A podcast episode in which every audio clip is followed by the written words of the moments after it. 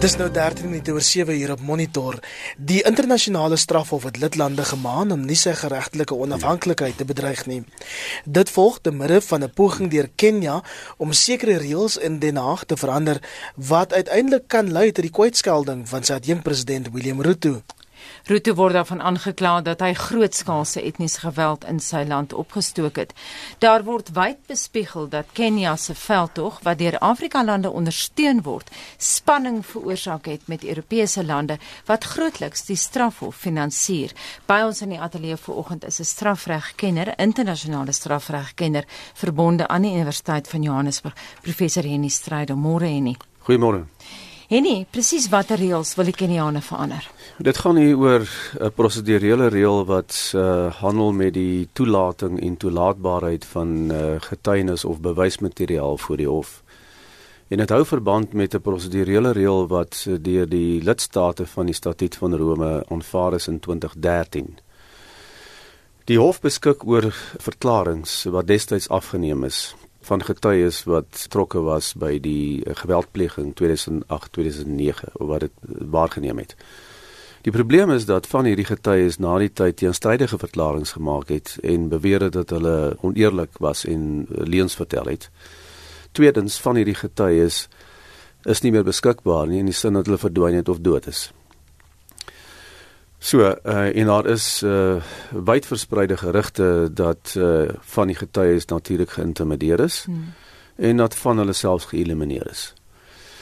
So wat die hof mee te doen het nou is of hierdie verklaringe wat destyds afgeneem is toegelaat kan word want die prosedurele reël waarvan ek praat maak voorsiening daarvoor onder andere dat sulke verklaringe toegelaat kan word mits die persoon wat die verklaring gemaak het daartoe toestem. Maar die persoon is nie meer daarmee te doen nie. En dit is waaroor die stryd nou gaan tussen die Keniaanse regering uh, en die hof want dit lyk vir my as ek die berigte reg verstaan dat daar pogings is van die uh die vervolgingsgesag by die internasionale strafhof om van hierdie verklaringe wel in te dien as getuies in die huidige verhoor teen vice-president Ruto. En dis waar dit hulle beswaar maak. Maar ek moet dit baie duidelik stel, dit gaan nie dis nie vir die Keniaanse regering of vir die vir iemand anders om te besluit uh of hierdie getuienis toelaatbaar is of nie. Nie die hof kan daaroor besluit. So as die vervolgingsgesag besluit om dit wel in te dien, dan kan die Keniaanse regering in die normale uh, verloop van die verhoor beswaar maak daarteen. En dan moet die hof besluit of hierdie uh, verklaringe uh, toegelaat kan word al dan nie. Besluit die hof dat dit wel toegelaat kan word, dan kan die Keniaanse regering daarteen appeleer en die normale uh, regsprosedure volg in hierdie verband. Die Keniaanse president Uhuru Kenyatta is nogal uitgesproke. Hy het hierdie week weer gesê herhaaldelik hy's nou moeg van die internasionale strafhof se inmenging, soos hy dit beskou in sy land se sake. En die groot vraag is, gaan die Keniane hulle sin kry? Wat dink jy? Ek dink nie dit gaan uh, hulle gaan 'n sin kry in in hierdie verband nie. As daar probleme is rondom uh, die toelaatbaarheid van hierdie getuienis, dan moet die regsproses gevolg word. Daar is 'n appelprosedure. So hulle sal deur die appelprosedure moet gaan. Tweedens is nie vir hulle om 'n uh, verandering van die reël mee te bring nie. Die reël kan net verander word as al die lidstate van die Statuut van Rome daaroor besluit tydens hulle hulle gereelde vergadering.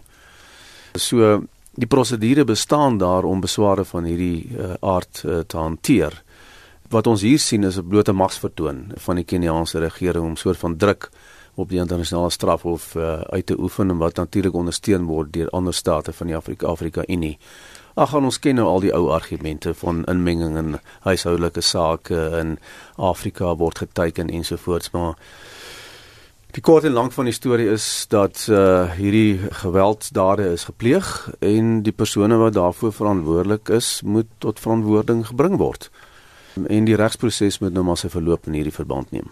Dis nou 717 as jy pas ingeskakel het by ons in die ateljee is 'n internasionale strafregkenner aan die Universiteit van Johannesburg professor Henny Strydom. Kom ons kyk terug op eie bodem en die regering het tot die einde van die jaar uitstel gekry om aan die strafhof antwoorde te gee oor hoekom hy toegelaat het dat 'n vermeende volksmoordenaar Omar al-Bashir land uitvlug.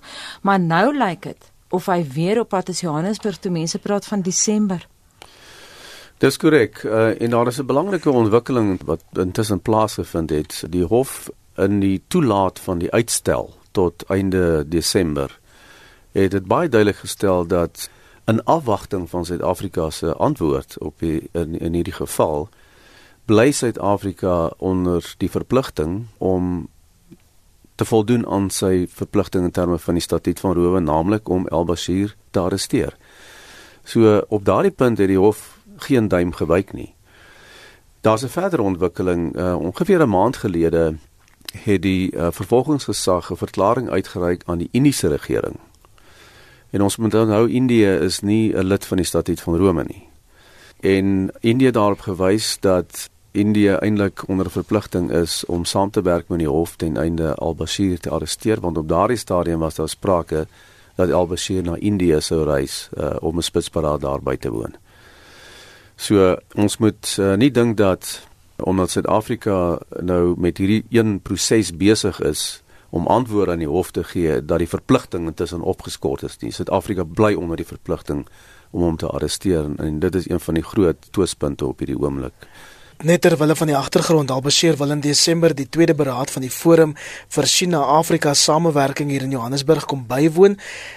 En die politieke ontleder Shadra Guttu het gister voorspel Suid-Afrika sou by die strafhof kon aansoek doen vir diplomatieke immuniteit vir Albashir. Is dit moontlik? Die hof kan nie immuniteit verleen vir so 'n geval nie. Die immuniteitsreëling uh, bestaan in terme van die Statuut van Rome. En Suid-Afrika het sy eie wetgewing in hierdie verband aanvaar wat uh, immuniteit vir hierdie gevalle opskort. Ek weet nie of die hof in hierdie geval enigsins so 'n uh, versoek sal oorweeg nie want om 'n konsessie in hierdie geval aan die Suid-Afrikaanse regering toe te staan beteken dat die hof dit in ander gevalle ook sal moet doen. Jy skep 'n president. Ja, en die hof sal sy eie soort van gesag in hierdie verband ondergrawe. Uh, ek stem nie saam met hierdie standpunt nie en uh, ek dink Suid-Afrika het homself in 'n posisie ingeverf wat hom uh, in 'n baie moeilike posisie plaas en ek dink die belangrike volgende stap wat ons almal uh, na moet uitsien is wat Suid-Afrika se redes gaan wees einde Desember waarom uh, Al-Bashir nie gearresteer is nie en wat gebeur het tydens sy besoek hier en waarom hy toegelaat is om die land te verlaat en onder watter omstandighede Baie dankie en so sê professor Henny Strydom, 'n internasionale strafregkenner verbonde aan die Universiteit van Johannesburg.